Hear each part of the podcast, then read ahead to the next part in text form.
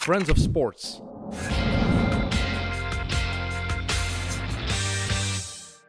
Welkom bij Mit de voetbalpodcast van Friends of Sports. Ik ben Sam Kerkhoffs, zoals iedere week naast mij Evert Winkelmans. En onze gast van vandaag is Peter Morren. Goedemiddag. Uh, Goedemiddag. Peter, gewezen commentator, presentator bij onder andere Q2 en Play Sports. Uh, Mhm. Auteur van het boek Barça mijn club, Barcelona mijn stad. Mhm. Oprichter van Barça Tine. Socio bij, eh. Bar- bij FC Barcelona. En nu actief als pers- en mediamanager van Kaarsen Genk. Ja, helemaal juist. Helemaal juist. Helemaal juist. Goed van buiten geblokt. Welkom. En dan dat Dank je. Goed, wat houdt het allemaal in? Eh, pers- en mediamanager van een, van een voetbalclub. Maar Waar moet ik beginnen? Eh, in eerste instantie een hele goede eh, band opbouwen met de spelers. Want ik heb het geluk om dicht bij, bij de sportieve staf en ook dus de spelers te staan.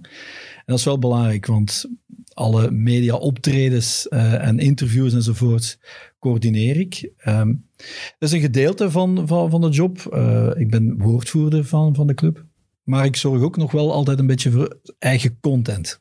Dus mijn verleden als journalist of als presentator en interviewer, dat gebruiken we ook nog wel een beetje eh, om ja, andere reportages te maken. En we zullen zien in de toekomst dat dat nog gaat evolueren. Sam. Want dat is iets dat bij de meeste topclubs wel een gescheiden functie is. Hè? De pers en de eigen content. Of zie ik dat mis? Ja, dat zou kunnen. Dat zou kunnen, maar ja, dat kan ook eh, een beetje anders. Hè. Het Is zou...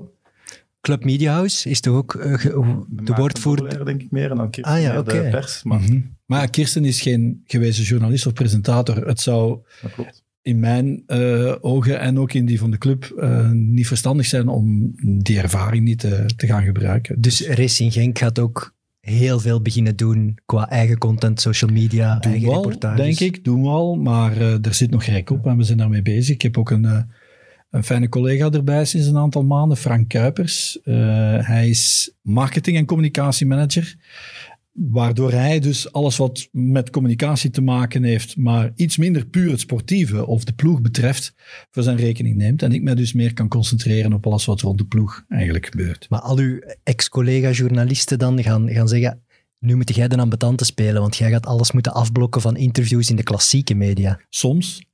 Soms afblokken. maar anderzijds ook wel begrip tonen. Eh, ik ken die collega's natuurlijk wel, eh, de journalisten. Ik weet wie, eh, wie er kan komen van tv of van radio of van de krant. Eh, ik ken de volgers.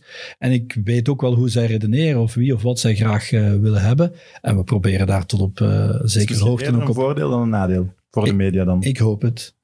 Ik ja, je ziet het ook bijvoorbeeld bij Stefan van Loog, die het bij de voetbalbond is. Hè. Dat werkt wel goed. Ik denk dat alle journalisten daar wel tevreden van zijn, omdat hij die ervaring heeft om Ja. het zelf te moeten aanvragen. Wel, ik hoop dat dat ook eh, eh, voor de mensen die Genk volgen eh, het geval is. Ja, tot nu toe gaat dat eh, behoorlijk goed naar verluid. Hebben jullie nooit aan een social media agency? Nee. dat is een grap. Elke club heeft daar nood aan, Sam. Mis, mis je de job in de media? Niet echt. Nee. Er is nu al wel heel veel gebeurd in dit eerste seizoen. Hè. Ik ben van begin oktober eh, in Genk. Ehm, ja, we hebben een trainerswissel gehad. We hebben Champions League gehad. Hè. We zijn naar Liverpool, we zijn naar Napoli gegaan. Ehm, ja, met de nieuwe trainer komt een nieuwe werking.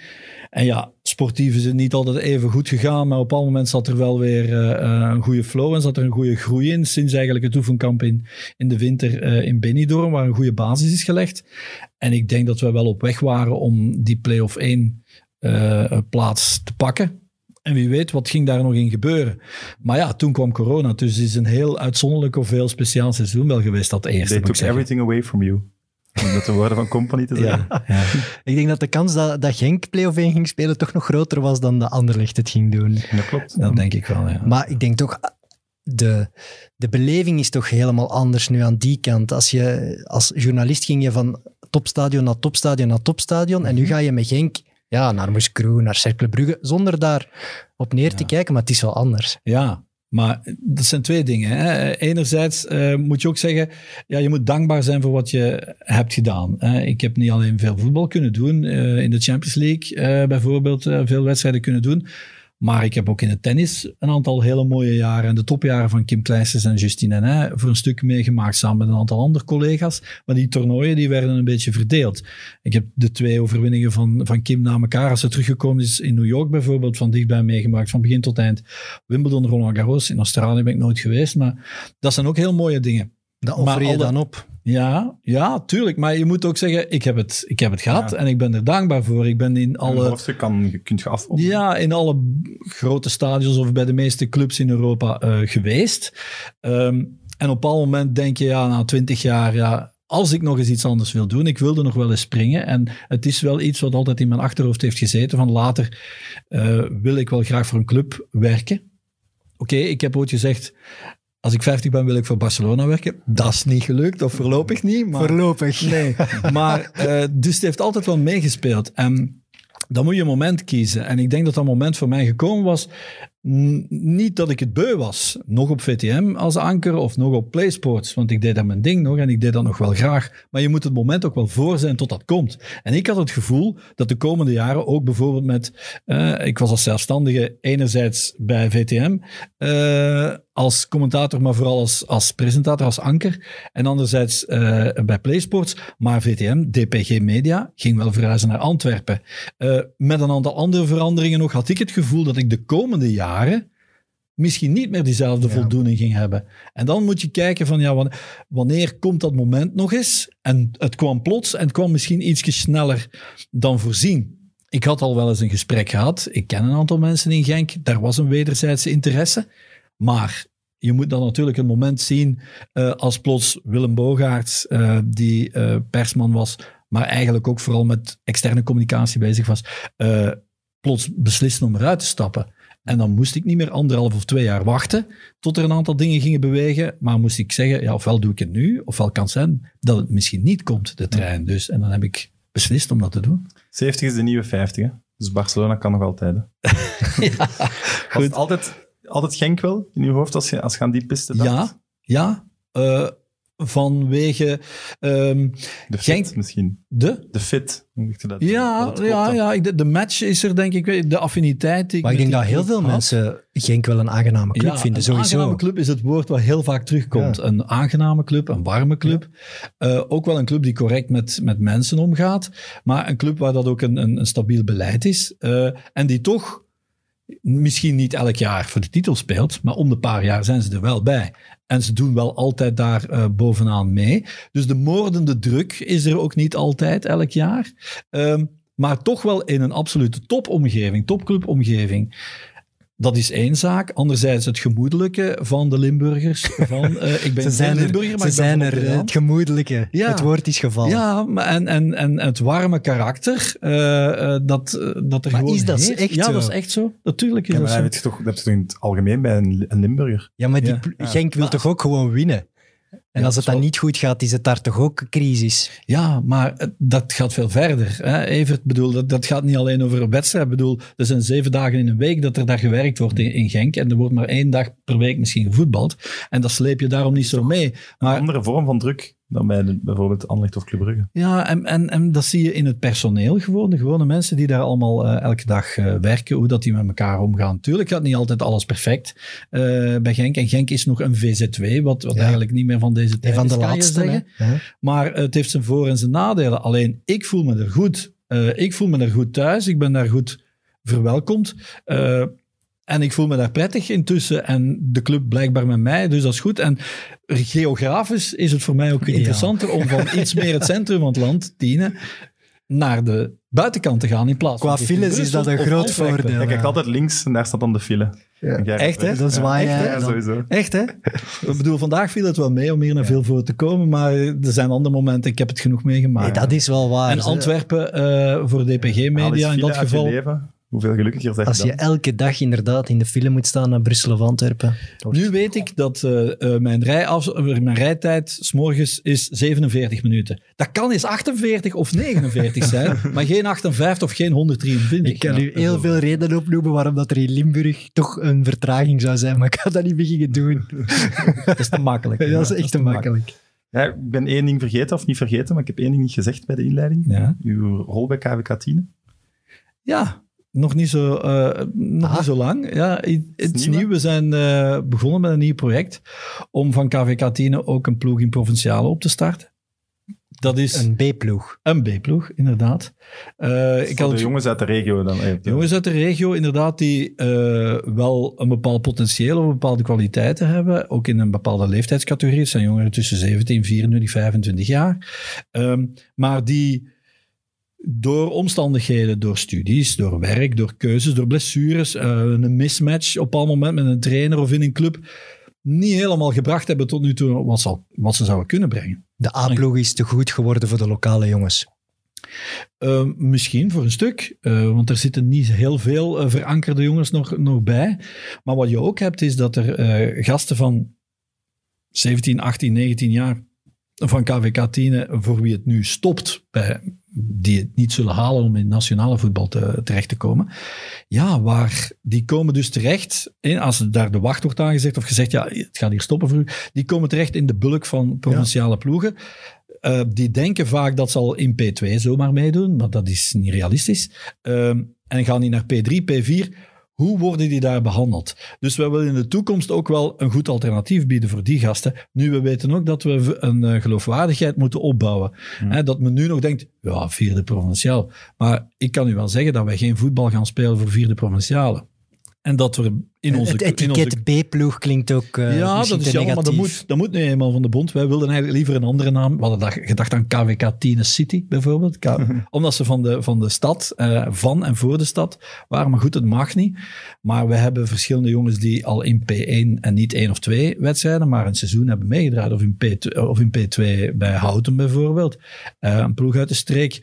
En een groot gedeelte van de huidige kern heeft vorig jaar in vierde provinciale al gedomineerd in een reeks. Alleen zijn we die nu nog gaan versterken en gaan we ze ook beter omkaderen. Hoop ik. Dan, dan zeg je toch echt een voetbaldier, hè? Ja, als je... Als je project, ja, dat vind ik ook wel. En ik vind ook goed voor het Belgisch voetbal. Het dat is zo ja. fijn om... Uh, we hebben nu drie vrijdagen uh, al wat getraind met die gasten, om niet helemaal vanaf nul te beginnen binnen een kleine ja. maand. Ja, want de ze zomer, ook zo de lang stil, stilgelegen. Ook om die mannen al een beetje het gevoel te laten geven. Weet je, we hebben kwestie van uitrusting, alles ja. is piekfijn. Maar die voelen ook wel dat daar een vibe, dat daar iets aan het groeien is. En we hebben dus eigenlijk al op die manier de zaadjes al wel laten ontkiemen. En daar gewoon tussen staan. Ik heb nu de voorbije weken ook een beetje training uh, gegeven. Uh, daar krijg je nu al zoveel van terug. Dat is gewoon echt waar. Ik kan me zeer met de pletter. Top. Ik denk ook dat het goed is voor het Belgisch voetbal, uh, voor op lagere niveaus, dat er meer gecentreerd wordt ton, rond grotere gestructureerde clubs. Omdat dat voor die spelers veel beter is om in zo'n omgeving terecht te komen, dan dat iedereen op zijn klein eilandje gaat blijven zitten. En een ploeg als Tine is in de regio wel vrij groot, mm -hmm. heeft ook succes met de eerste ploeg. Waarom ja, zouden die geen... Op rij. Ja, waarom zouden die, gelijk in Nederland, inderdaad geen tweede of derde ploeg hebben in de lagere reeks, om die lokale jongens ja. ook bij Tine te kunnen houden? Ik vind dat een heel slim plan dat meerdere clubs zouden ja. moeten doen. Het is naar de stad toe fijn, het is naar de club toe fijn, het is naar die gasten toe fijn, want wij spelen ook onze thuiswedstrijd in het stadion, in ja, het toch op kunstgras. Uh, mensen zijn geïnteresseerd om te komen ja. kijken, we voelen dat nu al. Uh, dus daar gaat wel iets leven. En het is onze vaste overtuiging om binnen de vijf jaar in P2 te staan. We, we, we willen wel gaan groeien. En als we daar ooit komen, uh, hopelijk dus over x aantal jaar, dan gaat die geloofwaardigheid er wel zijn. En dan gaat een technisch directeur uh, van, van uh, de eerste ploeg, de sportief verantwoordelijke, ook wel eens denken, hmm, we zitten hier met een jonge gast, maar die heeft nog een beetje tijd nodig. Mhm. En we zetten die daar al, ga een beetje op stage. Wordt, zoals in andere clubs, verhuurd, zo gezegd. Mhm. Omdat die, die dan wel leren wat eerste ploeg en mannenvoetbal is. En, je- kunnen ze... Barcelona B. En je verliest, Ja. ook, ja, je verliest ook gewoon geen leden, geen vrijwilligers, Nee, want die kunnen nee. daar hun plezier halen elk weekend. Dat is toch heel leuk? Dus zo'n beweging, Mhm. zoals KVK 10, wordt alleen maar groter. Wat heel goed is voor de maatschappij. Maar het moet nog groeien. Maar Het is een begin. Is, je moet ergens beginnen. Ik heb eh, ooit Goed, de, eh, alle, 13 minuten complimentjes. Eh, ik, heb de allereerste ja. wedstrijd ooit van eh, Lira Lierse gezien. Dat Ja. was denk ik al twee seizoenen geleden. En dat was tegen KVK 10. En KVK 10 kwam die daar 0-5 vernederen. Dat was, toen heb ik gezegd, oei, Tact die, is eh, en ook al vreemd. de tienen die kwam je daar echt gewoon afslachten. Wel een goede ploeg. En even Peter, ik, vond het, ik vind het fantastisch dat je nu wilt komen. Eh, Ja. We hebben, ik weet niet of je dat nog weet, drie klassico's geleden is een weddenschap gaan voor Oei. een fles champagne. Is het echt? En eh, Barcelona won, ben die de dag nadien gaan brengen, hij is het al vergeten. Hè. en nu, Is dat al eh, drie, drie klassico's toch geleden? ja, of zelfs al nog meer. Dankjewel toch wel eh, voor de fles. Maar voor het klasse. ik ben blij dat je nu wilt komen, want ik ga- ja, jullie twee zijn Barcelona-supporters, ik ben dat niet. Ik ben een gematigde Real Madrid supporter. Maar wat is er aan de hand met Barcelona? Hoe lang hebben we, Sam? We hebben nog minstens een half uur. Van alles. Op en naast het veld. Ik heb het gevoel dat de problemen op het veld wel deels komen uit frustraties van keyspelers door de problemen naast, Naast het veld. Eh, dat is zeker een element, ja. Eh, het is geen geheim dat eh, de zwaargewichten in de kleedkamer, dus van de ploeg nu, sleutelspelers, dat die niet helemaal happy zijn met het beleid dat de voorbije paar seizoenen is gevoerd door het bestuur rond onze voorzitter Josep uh, Bartomeu. er zijn een aantal keuzes gemaakt in het verleden die, die niet zo heel goed zijn gevallen. Er zijn ook een aantal rare dingen gebeurd, zoals dat initiatief om uh, de spelers wat in het oog te houden en zo. Daar, daar zijn wel wat theorieën rond, maar het is duidelijk dat het niet helemaal niet waar was. Ik denk dat je dat bij zo'n sterren al... De Big Brother-theorie. Ja, bedoel, er zijn meerdere dingen gewoon gebeurd die, die niet goed zijn gevallen bij, uh, uh, bij Messi en Co. Maar ga je daarom dan slechter voetballen? Of minder je best doen? Nee, zou, dat zou niet mogen, maar it adds on dat emmertje, dat loopt wel Messi, vol natuurlijk. Die ruzie met Abidal eerder dit seizoen. Uh, ja. Sarabia nu. Ja. ja. Messi weet dat hij gefilmd wordt continu. Die weet dat hij, dat hij wegstaat. Dat is duidelijk iets van frustratie. Ik denk dat een gefrustreerde voetballer gaat toch nooit 100% van zijn potentieel benutten. Nee, maar die situatie zoals nu in Vigo hè, tegen Celta, bij die drinkpauze, ik denk, bedoel, drinkpauzes in principe heb je dat niet. Nu heb je dat, door omstandigheden hè, zijn die er. Um, Oké, toen stonden ze wel nog voor, -hmm. uh, voor alle duidelijkheid. 1-2 was het toen, -hmm. denk ik. Uh, maar dat het niet meer echt liep of niet meer echt loopt. Nu, de beelden, je kan daar wel een aantal interpretaties aan geven, denk ik. Wat duidelijk is, dat is dat Messi, uh, Suarez, Piqué in mindere mate niet enorm aandachtig zijn. Ik druk me zacht uit voor wat uh, Eder Sarabia uh, te vertellen heeft. Nooit, hè? Hoe nu komt dat? Hoe komt dat? roept Messi wel terug, hè? Ja, maar hoe komt... lijkt misschien. Ja, hoe komt dat? Sarabia is iemand die zeer rechtuit is, uh, maar ook recht voor de raap en soms nogal hard op die manier. Er is ook, uh, je weet, tijdens de Classico waren er opnames hoe hij eigenlijk uh, zijn hoofd wegdraaide en ja. echt een beetje harde dingen zei over spelers die foute dingen deden. Goed, zoiets blijft hangen bij de heren stervoetballers en vedetten en dan zullen ze misschien wel denken, wie ben jij om ons op die manier te... Dus slagen ze zijn, zijn raad in de wind? Voor een stuk wel. Zouden ze liever hebben dat Kike Setien zelf die uitleg geeft? Uh, vermoedelijk wel. Valverde deed dat wel. Valverde praatte heel veel met de sleutelspelers van, van de ploeg. Op die manier is denk ik hem ook lang... Uh, hmm. het, het ja, hoofd, Valverde en Messi, dat klikte wel.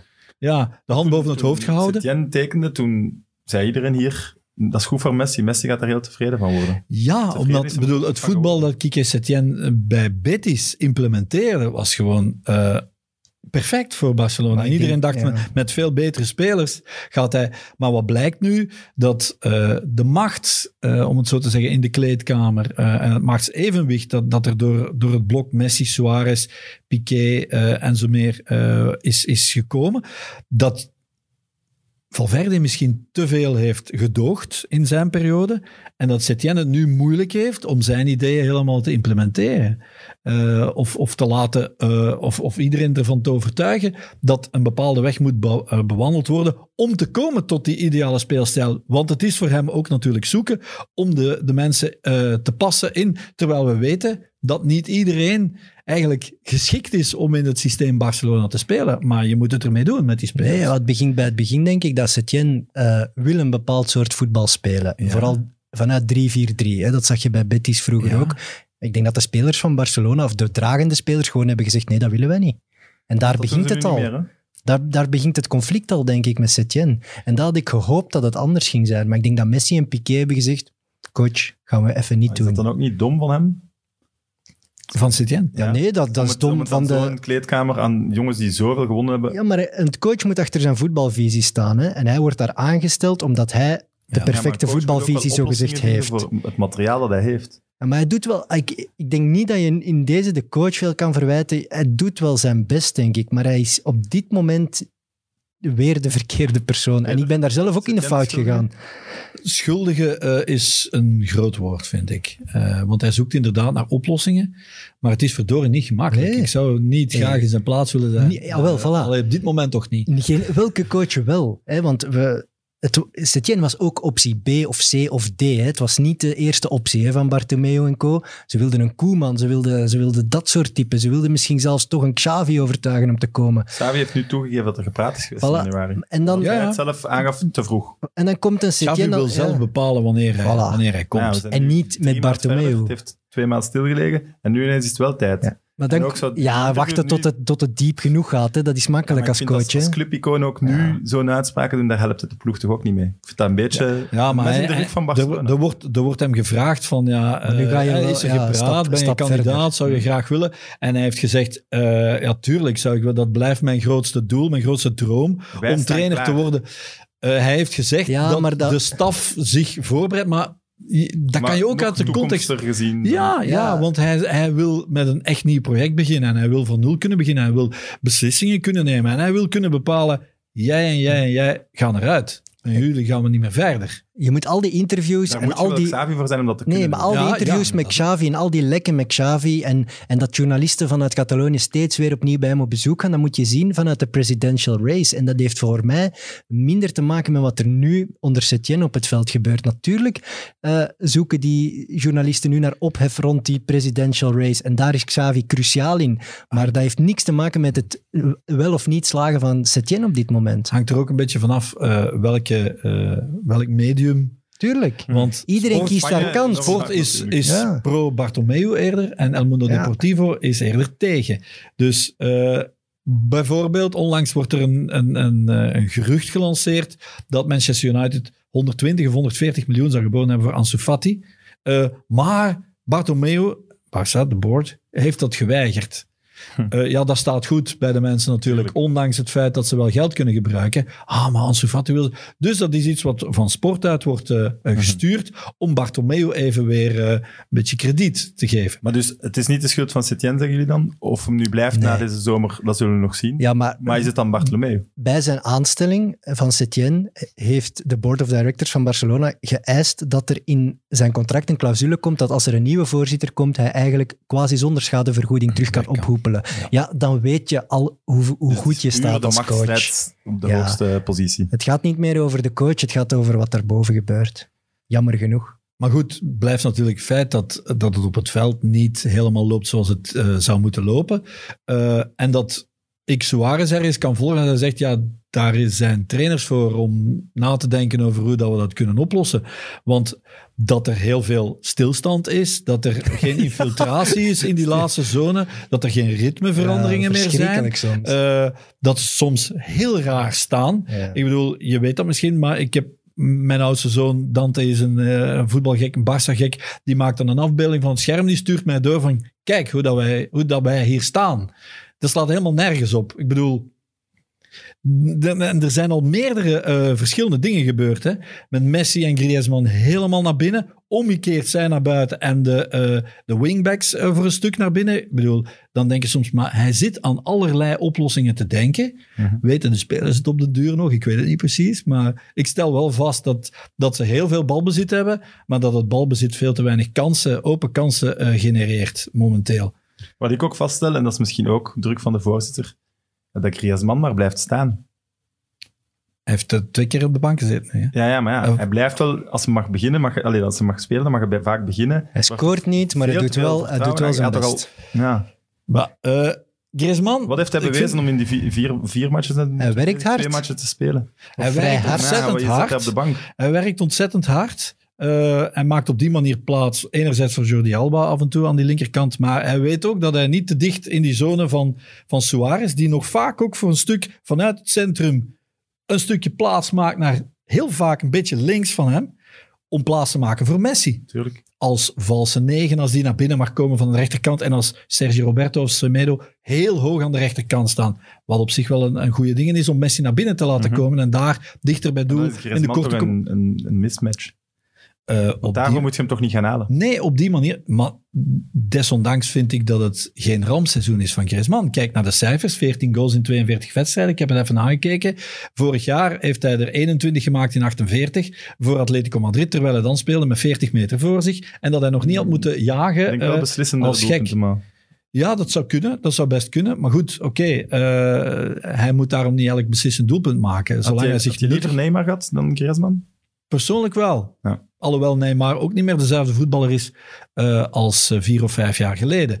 Neymar is ook niet meer de pure elf zoals hij de eerste jaren bij Barcelona speelde. En heel goed samen met Suarez en Messi speelde. En hij- ook heel hard werkte toen. en heel hard ik werkte. denk dat er wat uit is. Maar... Eh, terwijl hij bij PSG ook al bijna een beetje als een, een 10,5 zullen, zullen Doet zijn we noemen, gaan, eh, eh, eh, Mhm, is gaan evolueren. Vaak naar binnen, vaak in de bal komen en zelf de laatste pas willen geven. Terwijl hij voor zijn hogere actie vanaf de lijn minder eigenlijk nog gebruikt wordt ook bij PSG. Dus de vraag is ook of dat op die manier nog zou kunnen werken als Neymar zou teruggehaald worden. Ik denk dat Griezmann wel een goede transfer zou kunnen zijn, maar dan moeten ze gewoon anders gaan voetballen en meer zijn, zijn kwaliteiten Hij gaan gebruiken. de vervanger van Suarez moeten zijn. En Maar hij is ook Nee, geen pure dat is een andere type. Dat is Hij een ander geen pure type. negen, nee. Dat is een ander Nee. type. Hoewel eh, eh, Antoine Griezmann een fijnere voetballer op de kleine ruimte is dan, eh, dan Suarez. Suarez is dodelijk en heel doelgericht. Kijk, de tweede goal tegen Celta. Kijk, eh, bedoel, eh, ze trekken hem bijna, ik weet niet waar naartoe. Maar, maar Griezmann is wel in de fijne techniek op de hele korte ruimte is hij, is hij eigenlijk beter dan, Maar dan wat is dat een Suarez. ideale rol? In een tweespitsen systeem de schaduwspits. Tja. Want ja, Dat ik denk ik het wel, niet ja. daarvan op links. Ja, dat is het probleem. Denk ik dat ze misschien niet goed nagedacht hebben op voorhand van waar willen we eigenlijk naartoe met al die spelers? Waar willen we naartoe met Messi, Suarez, Griezmann? En in een 4-3-3 werkt dat dus niet. Mag ik nog eens iets vragen? Waar wil je naartoe met Busquets, eh, De Jong en Ja, Pjanic? Het middenveld, ja. Hoe kun je nu Pjanic gaan halen als je vorige zomer Frenkie de Jong zit gaan halen en Busquets nog hebt staan? Ja, maar de transfer van vragen. Pjanic, dat weten we ondertussen al, Ja, hoe dat, dat, is- in elkaar Dat is een rare zit. operatie. Eh, maar Pjanic is wel een balvaste voetballer met een goed afstandsschot, met, met een goede paas. Eh, kijk, als je, als je Pjanic gaat zien als een vervanger voor Arturo Vidal eh, of Rakitic... eh, van de eerste eh, weten we dat hij echt wel weg mag, ook al ligt hij goed in de groep. Maar die heeft te horen gekregen dat hij weg mag, of eigenlijk weg moet.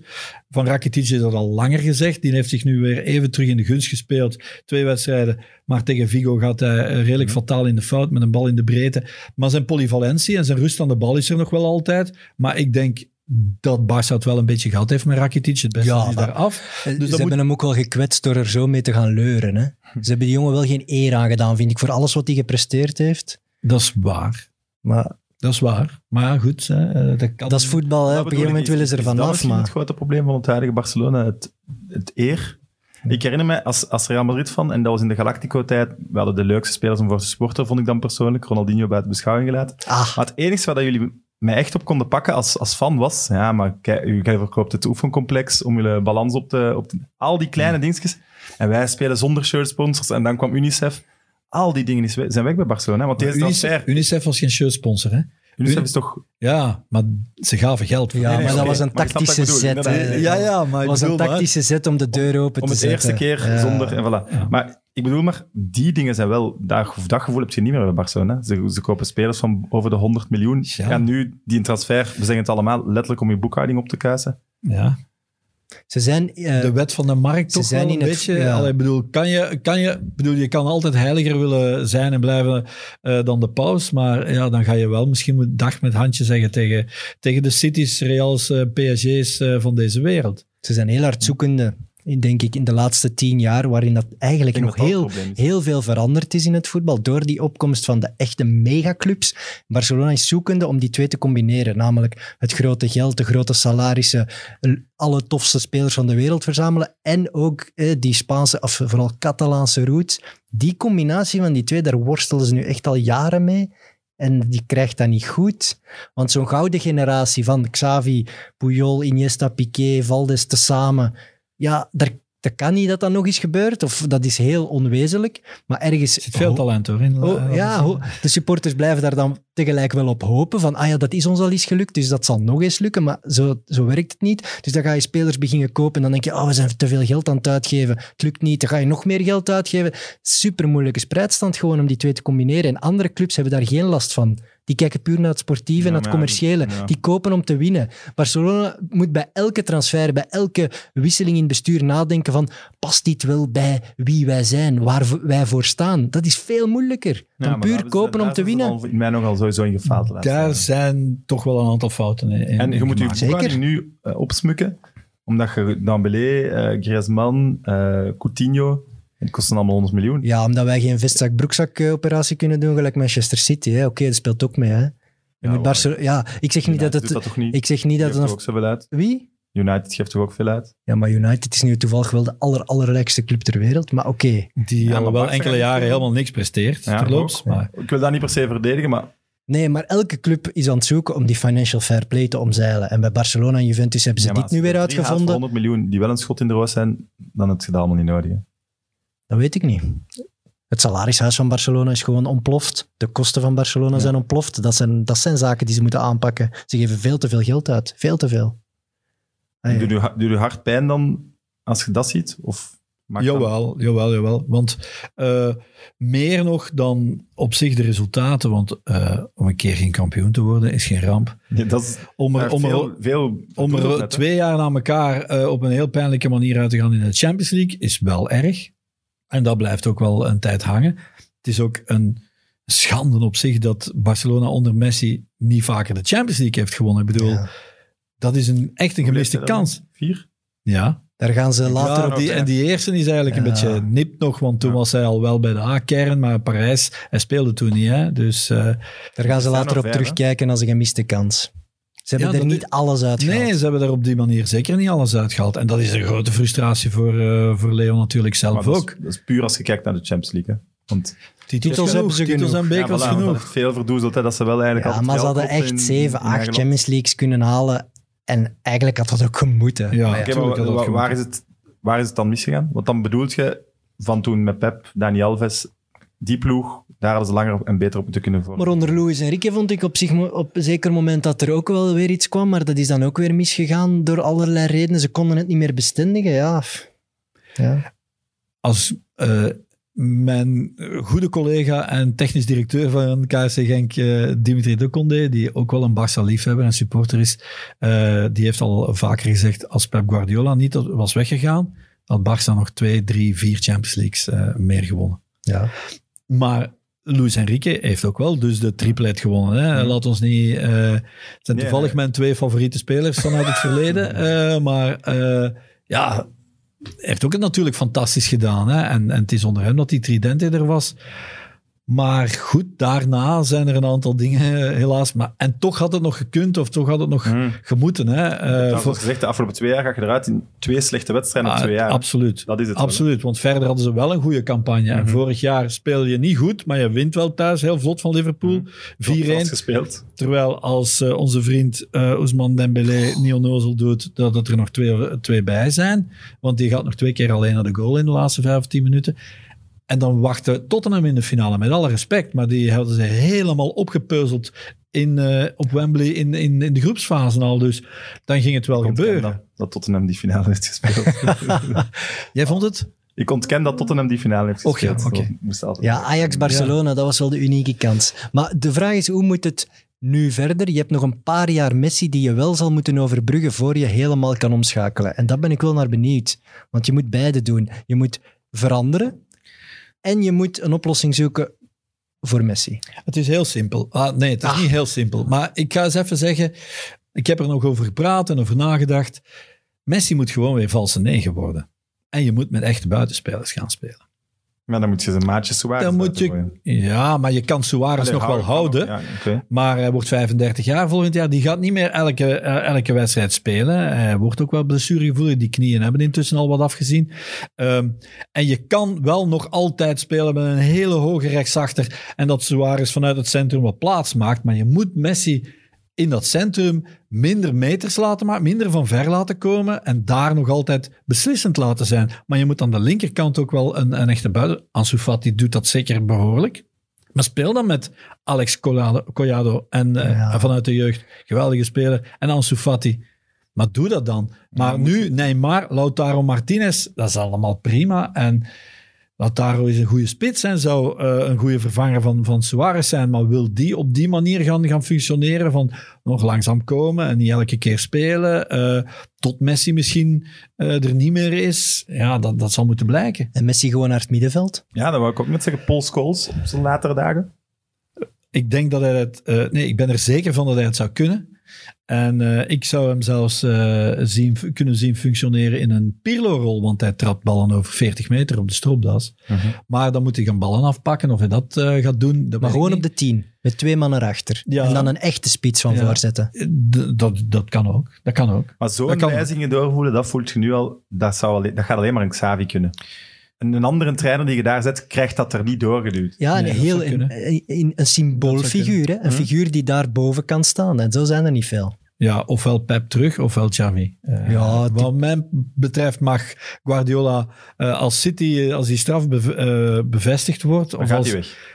Dan zou hij wel eens weg kunnen gaat gaan. daar gemakkelijk van uit. En En dan hoop wil ik- alleen nog maar de Champions League winnen. Maar City heeft al de rest gewonnen. Als je twee dan jaar de moet- Champions League Ja, dan moet, hij, dan moet hij terug. Dat wordt nu in Engeland natuurlijk. Oké, het is de Daily Express, maar er werd wel geschreven dat ze, dat ze hem terug wil. Maar een ideaal scenario, een droomscenario voor ons socio's ook zou zijn: Guardiola terug, een jaar, Xavi bij hem, en dan mag Xavi gaan. En Guardiola in het bestuur dan. En Guardiola, bestuur is één zaak. Eh, Functie van Abu hij, zou heel, hij zou heel graag eh, La Masia in, in, in, in- bij de jeugd. Ah, Eh, ja. hij kan ook eh, Wauw. Dan, baas van, dan kun van je de jeugd. onsterfelijk maken, denk ik. Wat is dat, de vervanger van Kluivert op dit moment? Ja, Die zijn bedoel- voetsporen treden, dat kan iedereen, denk ik, Ja, op wat dit heeft moment. Patrick Kluivert daar die Onwaarschijn- zin al, al, al, al bewezen? Dat zijn Oké, echt die jongen heeft, heeft wel wat goed geschot eh, in een Ja, tijd. kom, maar dat, Maar die functie is belachelijk, sorry, echt. Het is toch niet eens zo'n grote Barcelona-legende. Hoewel hem daar wel goed geen- gespeeld heeft. Ja, hij heeft goed gespeeld hoor. Maar, maar het is geen, geen grote legende. ik was gisteren toeval, heel toevallig eh, met Dennis Setter over aan het praten. En die zei, het ideale scenario is Pep die terugkomt en Kevin De Bruyne meeneemt. Maar we hebben dat geld niet. Ja, wie, gaat dat, wie gaat dat Nog een betalen? paar dertigers Ja. gaan halen, alle jeugd wisselen. Als we nog een paar van die Kevin is wisseloperaties 29 doen. ook geworden zeker. Ja, klopt. Ja, ik Klopt. denk. We gaan toch Dus echt dat- geen veteranenploeg gaan... eh, Ja, maar als die nog Anders 100, meer dan 100 miljoen voor een 29-jarige, dat, dat, dat kan niet.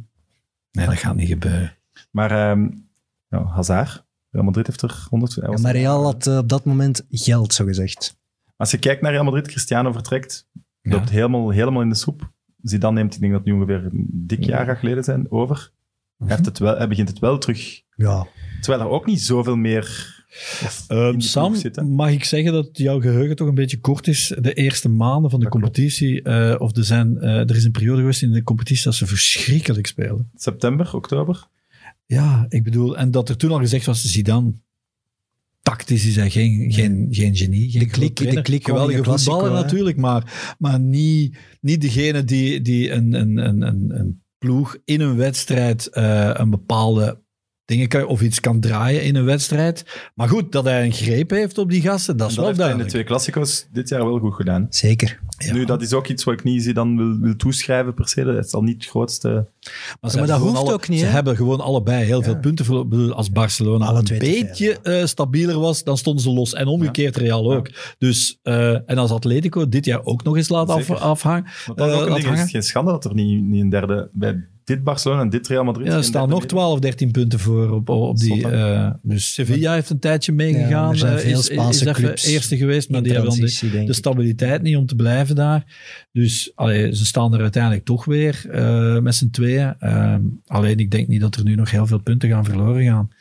Maar Zidane u heeft people management, Ik, hè? of ik nog in de titel geloof? Niet Van geweldig. Dan? Ja, ja, plus twee, eh, nu min twee. Hè, eh, vier punten kwijt in drie, in drie wedstrijden. Eh, het zit ook allemaal mee voor Real. Eh, Het zijn er eigenlijk drie. ja, het zijn er eigenlijk drie, inderdaad, door de onderlinge resultaten. Maar eh, Madrid heeft nog in Espanyol, eh, nog de week ervoor, eh, goed gespeeld. Hè? Dus helemaal niet goed gespeeld, maar het zit ook wel mee. Eh, er zijn een aantal scheidsrechterlijke beslissingen die in hun voordeel Ah, vallen. De VAR. voilà. Ik bedoel, ik ga er niet te hard op ingaan, Sam, want ik ken, ik ken jullie Madridisten zo'n beetje dan, wat dat betreft. Nee, van, mij, van mij mocht daar ping gaan. Ik, vind, het ik ben er zeker van dat het niet 100%... Alleen dat er op lichte beslissingen worden in het voordeel van Real Madrid genomen. Mhm. Maar ja, dat, is zijn met ook dingen van Barcelona denk dit ik, seizoen, ja. waar de kok Ja, van maar denkt, ze zijn- daar heb je dan nu ook. zijn Dus twee keer- twee wel hebben. Er zijn twee, ze zijn twee keer op achterstand gekomen eh, met een goal die door de VAR kan afgekeurd worden, maar of dat 100% is, mm, Hmm. ze hebben een penalty eh, op we in Vinicius die je kan geven, maar of dat een 100% penalty is. eh, Messi had heel- twee keer rood kunnen krijgen. Ehm, nee, dat vind ik niet. Nee? Nee. Het zou licht zijn geweest, maar ja, dat wordt. komt er nu wel twee keer van helemaal mee weg. Ja, eh, eh, maar ik lees dan bijvoorbeeld geen hier- beelden, hè, ik- Sam? Ik, lees dan hier bijvoorbeeld in de, in de, in de kranten, dat wordt, eh, Messi reageert op Sevilla. Hè, Messi reageert, eh, hij geeft hij een duw. Maar de fout vooraf, die, wo- die werd dan niet getoond. Ja, die zijn, zijn stut stonden wel net onder zijn knie. Hè? Als je dan zo reageert, is het gewoon allebei. Dat is waar, maar het is misschien niet helemaal onbegrijpelijk dat hij dan toch een keer ooit, want hij reageert zelden. En eh, de fase nu, vorige week bij de thuiswedstrijd tegen Atletico Bilbao, echt waar, ik denk echt dat het een ongelu- ongeluk is. Ik heb een foto gezien, dat je ziet op het moment dat hij zijn hoofd is weggedraaid, hij kijkt niet eens, hij ziet dan niet dat hij daar landt. Oké. Het is echt niet bewust een, een, een voet geplant. Dat geloof ik niet. Daar, daar, eh, Ik vind het raar dat Een goede woordvoerder wel voor eh, Messi. Ik vind het raar dat een ploeg die, die, die twee afgerond drie punten achter staat, toch in de algemene opinie al zo hard uit de titelrace ligt. Ja, maar dat hoort bij de, loopt- dat hoort bij de is- status. Als je vanavond nu wint tegen Atletico, Hoort bij de status van de club. Hè. Het, het minste rommeltje is crisis. Hè. Dat pak je erbij. Hè. Als je één keer gelijk speelt, dan ben je de slechtste ploeg ter wereld. Zo hoort dat bij Barça. Als dat niet zo zou zijn, dan is er een probleem, want dan hebben mensen het opgegeven. Het is gewoon een trend. Het gaat niet goed, of ze spelen niet goed, of ze hebben moeite om een wedstrijd te winnen. De eerste wedstrijd was nogthans goed, na dingen, 0-4, echt 0-4. vingers in de neus. Eh, en, en Madrid blijkt die efficiëntie gevonden te hebben. Zonder goed te spelen, die winnen die match. maar ze staan Die wel winnen die gewoon match. defensief wel beter. Ze- Tuurlijk, ze dat is altijd al onder Zidane Madrid staat wel beter, heb ik het Ja, ja, ja. Maar goed. ja. Verdediging van Barcelona is ook gewoon niet goed. Hè. Wat hebben we daar allemaal niet gehad de laatste jaren? Elke centrale verdediger die we kopen blijkt kreupel te zijn. Hm. En de backs die we hebben gekocht voor de vernieuwing te brengen, die zijn gewoon niet goed Je genoeg. gaat toch niet Semedo- terug naar Chigrinski of zo? Dat. Oh, Shigelinski. Dat En dan toch Pep Guardiola? eh, die Ja. Braziliaan. En dan hebben we die, die lange Colombiaan gehad. die, Die- van u, Langlais, die- Longley is wel goed. ja, hoor. maar om Titi, dat is toch een serieuze teleurstelling geweest. Ah, die Ja, komt niet meer goed. ook. Komt niet meer goed. Firpo en Semedo zijn, ja, komen gewoon tekort voor mij, sorry. Semedo. We ik- verwachten ik, er meer ik, van. Ik heb het nog altijd wel een beetje voor Semedo, hoor. Ja? Voor, Firpo, voor Junior Firpo minder, maar voor Semedo wel. Ik, ik zou hem niet wegdoen. Het zijn toch namen... goed. Ja, maar hij brengt toch niks. Niks waarvan ik denk, dit is het. Nee, vind ik ook niet. Dit is Trent Alexander-Arnold, next. Is het, is Nee, het dan dat is eh, niet. Matthijs de Licht? Hm? Dat die is kunnen ontsnappen? Ja, ontsnappen, dat is te duur. Dat hij niet geweldig ja. gedaan hè, in zijn eerste periode bij, Hij bij nu, Juve. nu wordt hij sinds de corona-break... stond in Gazetta nu een dingen dat hij Chiellini en Bonucci Ja, één is. maar daar heeft, daar heeft ook weer... Dat heeft ook even geduurd. Daar heeft ook de. Barça-naam weer misschien in het nadeel gespeeld van Barcelona. Namelijk, Barcelona moest absoluut Frenkie de Jong halen, want Frenkie de Jong is een Barça-speler. En iedereen is daarin meegegaan. En we hebben een keuze gemaakt. We, zijn, we hebben al ons geld op Frenkie gezet. En we hebben die ook gaan halen. Mhm. Maar daardoor konden we niemand anders gaan halen. En misschien hadden ze een verdediger moeten kopen. Ja, Mino Raiola heeft ook wel eh, weer het spel gespeeld. Hè, met, rond, Ja. eh, eh, Als je ziet hoeveel, hoeveel, middenvelders, ja, als je ziet hoeveel middenvelders er weer rondlopen, hoeveel middenvelders er uit Maar de jeugd weer is doorkomen. altijd wel de toekomst, Ja, hè, eh, vrienden. zeker. Eh, Maar dat dat er geld had je wel aan een verdediger kunnen Want geven. Frenkie, die- misschien mis- meer van verwacht, maar ik vind ook niet dat hij een zwak is. Nee, nee, nee. Dat is sowieso een geslaagde transfer. Maar je, je moest daar kiezen. Hm. Want je kan niet alles kopen. En dan hebben ze door de druk weer van wij zijn Barça, wij moeten Frenkie kopen. Ik had een verdediger gekocht. Een hoe echte goeie. hoe- hoe ga- wat is het ideale middenveld, of, middenveld volgend seizoen? Mai, wat een stilte. ja, Ja, ik denk sowieso de Jong. Ja, Dat is de man. ik ja ik, heb, ik heb het... Busquets en voor- ja, Ricky Puig. eh rasvoetballertje. Denk het ook. Ja, dat hij meer en meer gaat spelen. Ja. De- de- die Maar dingen heb ik Ja, niets allemaal. mag En invallen. Hè. Ik heb gekocht de duurste linksbuiten in de wereld. Ja, nu moet, je- nu moet je ook wel gewoon... eh, We hebben, er nog wel, we hebben wel nog een aantal goede eh, spelers gekocht. Hè. Nu, de- of die allemaal... te- het kan zijn dat we ze moeten opstapelen op een positie. Ja, ik had We hebben Trincao gehaald. eh, we hebben Trincao, daar- juist. Goeie, goeie speler. Ja. Kan op de zeven, kan inverted. Maar moet alles nog bewijzen op dat niveau. Hè? Ja, dat is waar. Maar hij heeft wel heeft iets. Pedri, P3, ja. Die is ook jong. jonge gast, hele jonge gast, maar wel kwaliteit. En Die vanuit Braziliaan ook. Ja, Ma- Matheus Fernandes. eh, Ja. Ik weet het niet. Maar die, die Pedri, die, die doet af en toe wel iets briljants daar eh, bij Las Palmas. Ja. Dus, Maar moet je niet zo, wat, wat United heeft doorgemaakt, het succes van Ferguson, gewoon in één keer zeggen, bam, class of 92. Echt dat je ineens een heel, hele hoop werk doet en het wel al met jongens invult die, je, zoals jij nu zegt, die zitten nog niet op dat niveau. Maar ze Ervaring, zijn- ja. Ze zijn niet allemaal even goed. Hè. Dus er zit talent aan te komen. Ze hebben ook een aantal, er zijn ook een aantal gemiste kansen bijvoorbeeld geweest. Er zijn jongens die onder Guardiola wellicht de sprong hadden kunnen maken. Ja, of zouden hebben mo- mogen maken. Pak me nu niet op een paar namen, Evert, maar er zijn er een aantal. Eh, en die dan niet... Bijvoorbeeld een van de... Wie we, je, hebt, je wil een verdediger? Eric Garcia direct terughalen bij Manchester City. Ja. Terughalen. Dat is de op- natuurlijke opvolger van Puyol. Ja, hebben ze in tijd met Piqué gedaan. Hè. Die ging ook naar United, Mhm. hebben ze teruggehaald en daar hebben ze toch tien jaar plezier aan gehad. Maar Alex Collado bijvoorbeeld, ja, Maar jij, vraagt er heel veel van. Hè? Ja, Cola- is en Pucci is toch beter? wat? Pucci is Ja, beter. maar dat is een ander, een ander type. Monju is er ook, dat is ook nog eh, iets, iets, wel iets minder. Maar goed, er zijn er een paar waar dat je moet van zeggen, ja, nu moet je, hier moet je stil aan Adama. Nou, Traoré, wou je die zeggen? een. Het trachtereffect beest. moet je wel vermijden. Dat er te veel klaarstaan, voor, terwijl je te weinig plaats En allemaal op vrijmaakt. dezelfde positie. Ja. Dat is Ja. vaak het probleem bij Barcelona. Heel veel leuke jonge middenvelders. Maar we hebben diepgang nodig van voor. Wilt je nog altijd Neymar terug? Ja, mijn hart zegt ergens van wel. Mijn hart zegt, omdat, ik bedoel, dat, dat kwam zo hard aan toen, toen die zei van, eh, ja, hij gaat blijven, dan... Uh, Sekeda, eh, Sekeda, post, Ehm, dat Maar was nu, echt die, wel... die, die heeft vorige maand die, een rechtszaak verloren. Ja, 6,5 miljoen moet hij betalen, Ja, zeker. hè? bijna 7 miljoen. Ja. En hij vroeger Ja. in de 40. Dat, is bijna, dat is bijna 7, hè? 6,5. Ja, ja, inderdaad. Absoluut. Ja, nee. eh, denk ja, dat zijn, die- maar dat zal wel geregeld worden. Mocht het toch nog tot een nieuwe overeenkomst komen, dan zal dat wel ergens eh, verwerkt worden. Ansu in de- Fati benadeelt je toch te hard als je nu Neymar gaat terughalen. Met Maar iedereen doet alsof ook al Ansu. Fati even goed is als Neymar. Nee, dat nee, is nee, nog niet. Hoe gaat hij zo goed worden? Niet er op de bank te zitten. jongen is en pas naar te kijken, hè. 17. hè. Ja, ja, Ja, wel voilà. jong. Ja, zet hem. Ja, maar Neymar kwam toch binnen Kijk, op een andere manier. Ook, eh, heeft toch ook gewoon... Die moet je nu toch ook gewoon laten staan. Die Greenwood moet nu toch gewoon ook in de ploeg komen bij United en laten staan. Kijk hoe dat bij wil Chelsea ooit zo goed worden? Eh, Zo'n Sancho, hè, die moet ook hoe dat- spelen. Ja, hoe dat bij Chelsea ook. Chelsea heeft vorig jaar, Lampard heeft uiteindelijk ook eh, een aantal keuzes beginnen maken. Hè? En, eh, en, en dat, dat, dat werpt wel zijn vruchten af.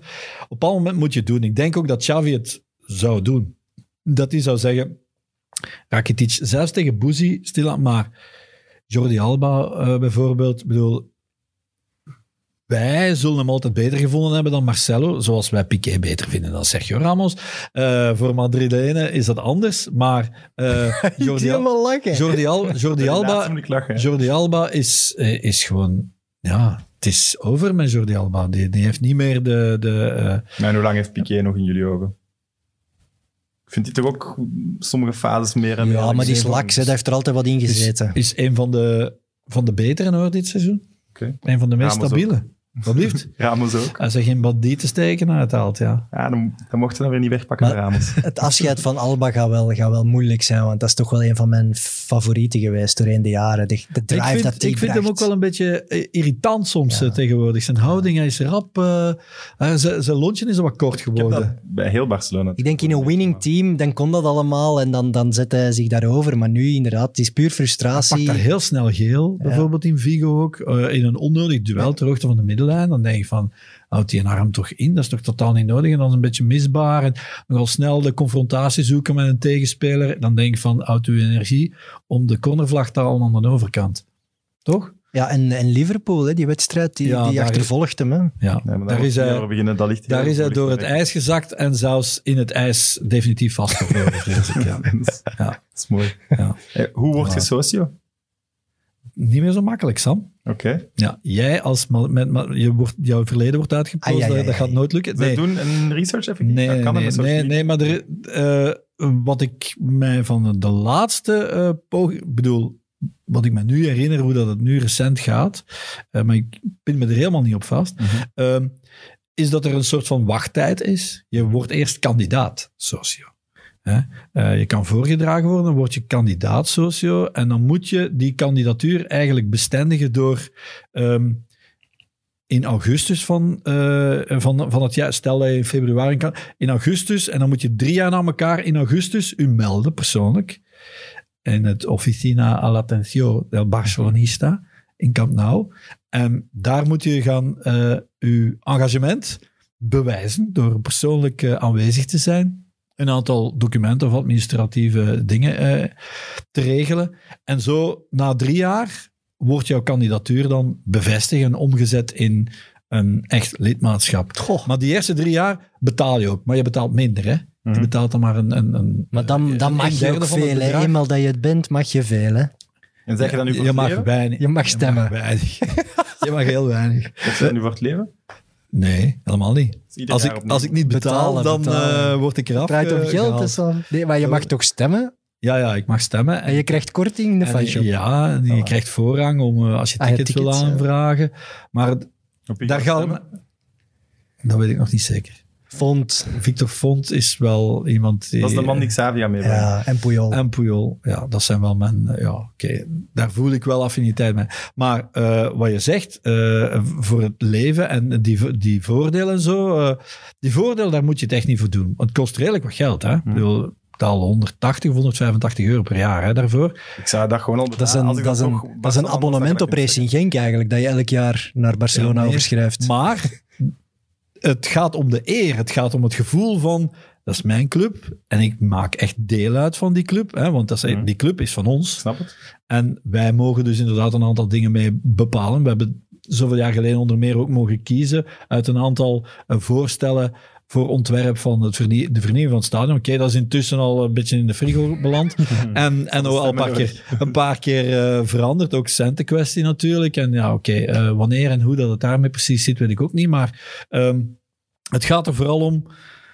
Ja, Heb je dan zo'n kaart? eh, ja hoor. Zeker. Ja, Daar, daarvoor doe ik het, denk ik. Ik ben intussen eh socio nummer 87.000 en zoveel. Eh, en ik kwam van 143.000 of zoiets. Dus je schuift op, omdat er zijn mensen die, Ja, die sterven, helaas. En één is de paus zeker, dacht ik altijd. Socio nummer één is de paus. Die is van van Rome. Die hebben ze ooit eens eh, cadeau gedaan. Ik denk dat Johan Gamper eh, destijds nummer 1 was. twee dan.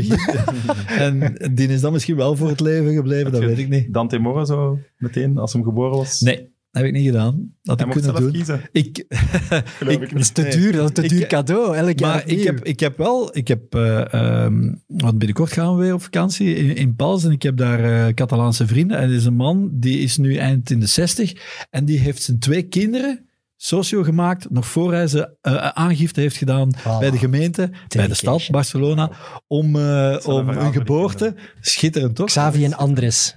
nee, nee, nee, nee. Hij heet Louis, maar eh, een fanatieke eh Barça-man en Evert. een ab- abonnees. Binnen drie jaar ook, eh, socio. Ah, wel, maar ik heb er al heel veel naar gekeken, maar het is, het is, het is te veel Geld. rompslomp en geld voor hetgeen dat je uiteindelijk kan doen. Ik vind... Symboliek, Ik heb dat dus niet moeten doen destijds. Hè. Ah, oké. maar Ik, ken- ben voorgedragen geweest, ik heb een kandidatuur, ik ben voorgedragen. Iemand, ik denk dat Tony, dat nog Tony Freire van eh, de Wereldzone Peñas, eh, dat die dat, dat die daar ergens een... eh, ja, snelheid in kon maken. nee, nee, nee, maar dat die, dat die dat zogezegd die kandidatuur steunen, dat je op die manier, dat je een bestaande socio eh, nodig hebt om u, Ah, ja. om u aan te brengen. Eh, maar in elk geval, ik had geen wachttijd. En dan kreeg je, eh, kreeg je een mooie oorkonde mee. En dan kreeg je een t-shirtje mee. En eh, ja, Maar je op zich, krijgt, ja. je krijgt een aantal dingen, Sam. Ja, ja. Het, is toch, het is toch wel een prachtig gegeven. Als het, als het, veel ja, mooier dan, dan voilà. zegt alle andere 15 jaar deze zomer. Voilà, dat vind ik veel mooier. Het is echt Het is, het, ja, voilà, het is hoe het altijd zou moeten zijn. En dat het minder om dat grote geld zou draaien. En minder om, om die rare zaken zoals Arthur en Pjanic. En meer zoals die socio's. Dan je, Het is weer al dat gevecht dat Barcelona aan het vechten is. Hè? Van oké, hoe zit het met het grote geld? En hoe zit het met de socio's, de cultuur van onze club? Maar we moeten daar eh, eh, als supporter of als lid eh, van de club moeten daar op een bepaald moment toch een beetje kunnen boven gaan staan en zeggen, oké, dit is nu een moment waarop Mhm. het even minder... de- we hebben andere momenten gekend. Hè? Ik bedoel, ik ben supporter van Barcelona van in de tijd dat Jo- Cruijff aan het bouwen was als een dreamteam, eind jaren tachtig. Ehm er zijn triestige periodes geweest, hè, beste Mhm. vrienden. Onder, eh, onder Van Gaal, onder Antic. eh, bedoel, Rick maar het dat was niet om aan te... Behalve in Duitsland en Italië een beetje, dat maakt ook het mooie aan voetbal. Het is heel moeilijk om te, te blijven hè, aan de top. Ja. Ja. Om de- kijk naar City, back-to-back champions worden ingehaald door Liverpool die minder geld hebben uitgegeven Ja, netto. Ja, ja. Maar super moeilijk, hè? Verliezen vind ik helemaal niet erg. Ik ben supporter van KV Mechelen, dus dan weet je wel wat verliezen is. Ik werd supporter van Barcelona om eens te voelen wat winnen is. Maar we kunnen, je, verliezen vind ik helemaal niet erg, maar je mag nooit je, Je waar, je voor, ja, waar je voor staat Ja, als club, dan moet je is- toch proberen volhouden. dat Dat is is, ook zo. niet Dat gemakkelijk. Dat, Dat is ook dat zo. ik dat wel nu zie als buitenstaander dan Ja. veel harder, niet de supporter. Dat Maar dat leeft ook bij de socio's hoor. Dat zeggen al die fans op al die fora, zeggen net hetzelfde als wat jij zegt. Transfers van Coutinho en god weet wat. En dat is allemaal zot, dat is belachelijk. Boateng. Goh, ja, maar dat? Ja, als ik Ja. daar met die oudere socio's over praat, dan zeggen die fora. Fora is Catalaans voor fuera, buiten dus, weg daarmee. Eh, maar dat, die hun trots zit enorm diep. Maar dat is ook hetgeen wat dat mij eh, zo heeft aangestoken en zo eh, heeft gecharmeerd in al die jaren. Als je de stad, de mensen leert kennen, de geschiedenis van die club, als je daarin duikt, wat daar allemaal achter zit, ja, dan maakt het zo fascinerend en groter dan, dan, dan wat dan ook. Ik begrijp dat dat niet makkelijk is, maar je zal dat wellicht met Madrid hebben. Die hebben dat op hun manier ook voor een stuk. Maar ja, daar, en, en dat, wordt, dat wordt echt iets van... Dat kleeft aan u gewoon op den duur. Eh, ik ben daar nu zo lang al mee, mee bezig. Ik lees elke dag. Ik, ik eet en drink Barça elke dag. Hm. Maar het is niet zo dat ik, Ik ben mijn een slaap laat helemaal... eh, Real Madrid supporter. Maar ik had dat wel toen United de eerste match speelde, terwijl de Bundesliga al terug bezig was en ik had al wel matchen gezien. Even toch Ja? Hartklopping die, die Ja. werd overslagen. Dus- Maar, maar bedoel, eh, eh, ik, ik zal ontgoocheld zijn als, als, als Barcelona vanavond tegen Atletico Madrid niet wint. Eh, maar vooral ook als ze niet goed spelen. Ik kan er nog mee leven als ze eens eindelijk weer eens een hele goede wedstrijd zouden spelen. Ons voetbal, met ritmeveranderingen, met spectaculaire fases. ja, dat het plezier er ook afdruipt. Helaas kan je dat van, van, van de supporters dan niet voelen, maar, want dat blijft natuurlijk iets vreemd. En een volkamp nou, of ongeveer eh volkamp nou, gaat eh, altijd wel mee op een bepaalde manier. En gaat, gaat die ploeg, ook al, dat is niet het meest fanatieke publiek, dat is weet niet ik. Bernabeu, hè. Maar moeten we hier nu echt Ik- op antwoorden? ik- die sorry, qua Oh, voetbaltempel, Bernabeu. wow. dat Allee, die gemaakte, die je gemaakte verkochte boel daar achter de goal met een witte t-shirtjes, dat, dat kan je toch niet achter staan als Maar fan? heel die kuip. Bij jullie zijn maar Japanners Nee, dat is niet waar. dat is echt niet waar. nee. Madrid kan het goed verstoppen met zo fake als iets. Ah. Sorry, Sam. Ja, ik, ik zal nog een andere vraag eh, stellen. Dan is pronostiek, ga ik al niet meer vragen. Gaat het terug over Genk? Nee. Eh, ik wil wel eens over eh, Racing Genk praten nog eigenlijk, want... eh, dat was het eerste kwartier. ah, Nee, ehm, Oké. ik zag een meme, eh, online dus, want zo gaat dat met memes. Ehm, Barcelona zonder Messi en er stond de logo van AC Milan. Is dat, is dat de angst die... Ja, Ja. AC Milan is Ja, ook dat- zeer fel weggevallen. Victor Font heeft dat zelf gezegd, dat dat zou kunnen een, een scenario zijn als we niet oppassen, dat het huidige bestuur eh, de club in een zodanige situatie gaat brengen, dat dat het gevolg gaat zijn dat dat jaren gaat duren om eruit te komen. Zo dramatisch zou ik het nog wel eh, niet zien, want bij Milan blijft het wel duren, moet ik zeggen. Hè? Hmm, Eerlijk gezegd, een hele mooie club. Eh, ik heb er een aantal geweldige Champions League wedstrijden ooit eh, mogen commentaar geven. Fantastisch. Tegen United 3-0 halve finale, een van de mooiste herinneringen ooit. Mijn oren tuiten er nog van in, in San Siro. Maar ik denk niet dat zo'n vaart zal lopen. omdat jullie klaar daarvoor? Voor een Barcelona zonder Messi? dat zal moeten blijken, Sam. Als je mij dan twee maanden... ja, dat gaat he- heel raar zijn, hè? Dat is duidelijk. Dus eh, dat is ook logisch, hè? Mensen die zeggen, is de invloed van Messi niet te groot? Dat is gewoon, het is best shotter. Dat is Ja. logisch dat die, dat die invloed te groot is. En ik heb nog een goede gelezen, die pak ik eh, met plezier en onbeschaamd over. Lionel Messi is de meest onderschatte voetballer uit de geschiedenis. Want de enige... dat als er- dat Er komt nog iets. als er, als er één voetballiefhebber is ter wereld die nog vindt dat hij niet de beste is, dat betekent dat hij de meest onderschatten is. Voilà. Want iedereen zou daar moeten van overtuigd Nee, zijn. maar daar is geen Messi discussie over. Ik heb Eh, het gezegd. Dat ja. sowieso. Maar hij gaat wel op het einde niet het meeste gewonnen hebben. De allergrootste aller tijden ook, eh, Sam? Eh, Die discussie blijf ik soms nog hebben. Ik word er een beetje moe van ja, soms. dat kun je niet meer ontkennen, toch? Dank Ik je niet hoe dat iemand dat nog ontkant. Ja, van degene die ik heb zien voetbal is het Ja, die, beste. die andere, die kleine dikke, die kon er ook wel iets van. Maar eh, Ik zou hem nog één keer een Champions League finale willen zien beslissen. Gewoon toch nog één keer. En dat hij dan... met een stiftballetje. Ja, iets zoals die kopbal tegen Man United. Dat zijn momenten... Of dat met is- een vrije trap van op 70 meter. Ja, zo- Zo als voorbeelden. Nee, maar dat was toch een iconisch Ja. moment. Messi met de Hij kop die zo zweeft. En dan, Ja, Dat zijn van... Als je dat beetje nog, Air Jordan, hè? ja, nog één keer dat en dan stoppen. Was dat het beste Barcelona? Ehm, ja, Mm, 2011 was dat, hè? Nee, dat was Nee. 2009. Ah ja, dan Toch? vond ik dat het beste. 2009 vond ik, omdat dat toen nieuw was. De manier van spelen en zo, dat was wer- Hangen was in Rome. wervend. Ja, was in Rome. Eh, 2011 was eh, op Wembley. Waar je met eh, David Villa, die ook een van nature centrumspits had, was, Die heeft dat wel wel, gedaan eigenlijk. wel dat vanaf de zijkant kon komen. En Pedro heeft dat ook altijd heel Pedro goed gedaan. hè? heel goed Pedro gedaan. was een mindere Ja. speler, maar die heeft dat wel Die goed man gedaan. die speelde zijn Maar rol die missen wel jaren, dat type. Ja, alleen die dribbelt regelmatig zichzelf zo'n beetje zo. En je mist Dani Alves ook wel harder dan dat er dan dat Ja. gedacht was. Maar dan zeggen, Ja. we, dan zeggen we wel dat het Pep van Barcelona het beste is dat ik ooit gezien heb. En ik denk dat dat heel moeilijk wordt om dat beter te doen. Maar dan komt een nieuwe Dani Alves op onze velden. Hè? Daniel Munoz, onthoud de naam. Voilà, Daniel. Nu al een voorakkoord met Barcelona. Nee, dat zeg ik niet, maar het is niet normaal dat hij naar Racing Genk eh, komt. Alleen, Voilà. we hebben hem nog niet hier gekregen. Hij zit nog altijd vast in Colombia. Dus dat kan nog even duren eigenlijk, eer dat we hem eh, bij ons krijgen. Maar we, we, gaan, geloven gaan er wel. voetballen zijn. Hè? Het- Ja. Vanaf nu gaat het heel snel gaan. Ja, ja. Voordat we met het weten, publiek. Met publiek. ja, voordat we het weten zijn we weer bezig met Wepemoes Kroen, Sam.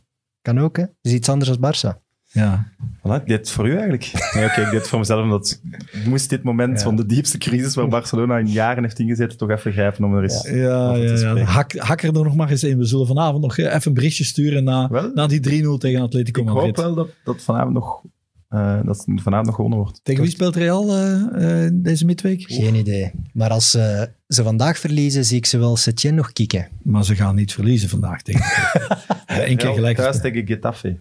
Ja, oké, ah, niet is- gemakkelijk, niet gemakkelijk. Getafe thuis, nooit makkelijk.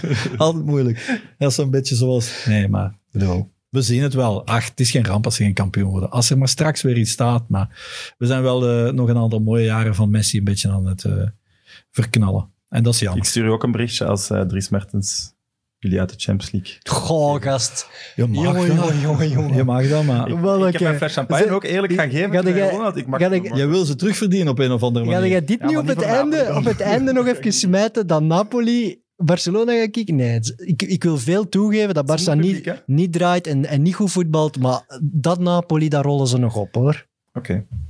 Dan gaan we eruit met uw woorden. Goed? Merci. Goed. Aan de kijkers en luisteraars, tot volgende week. Friends of Sports.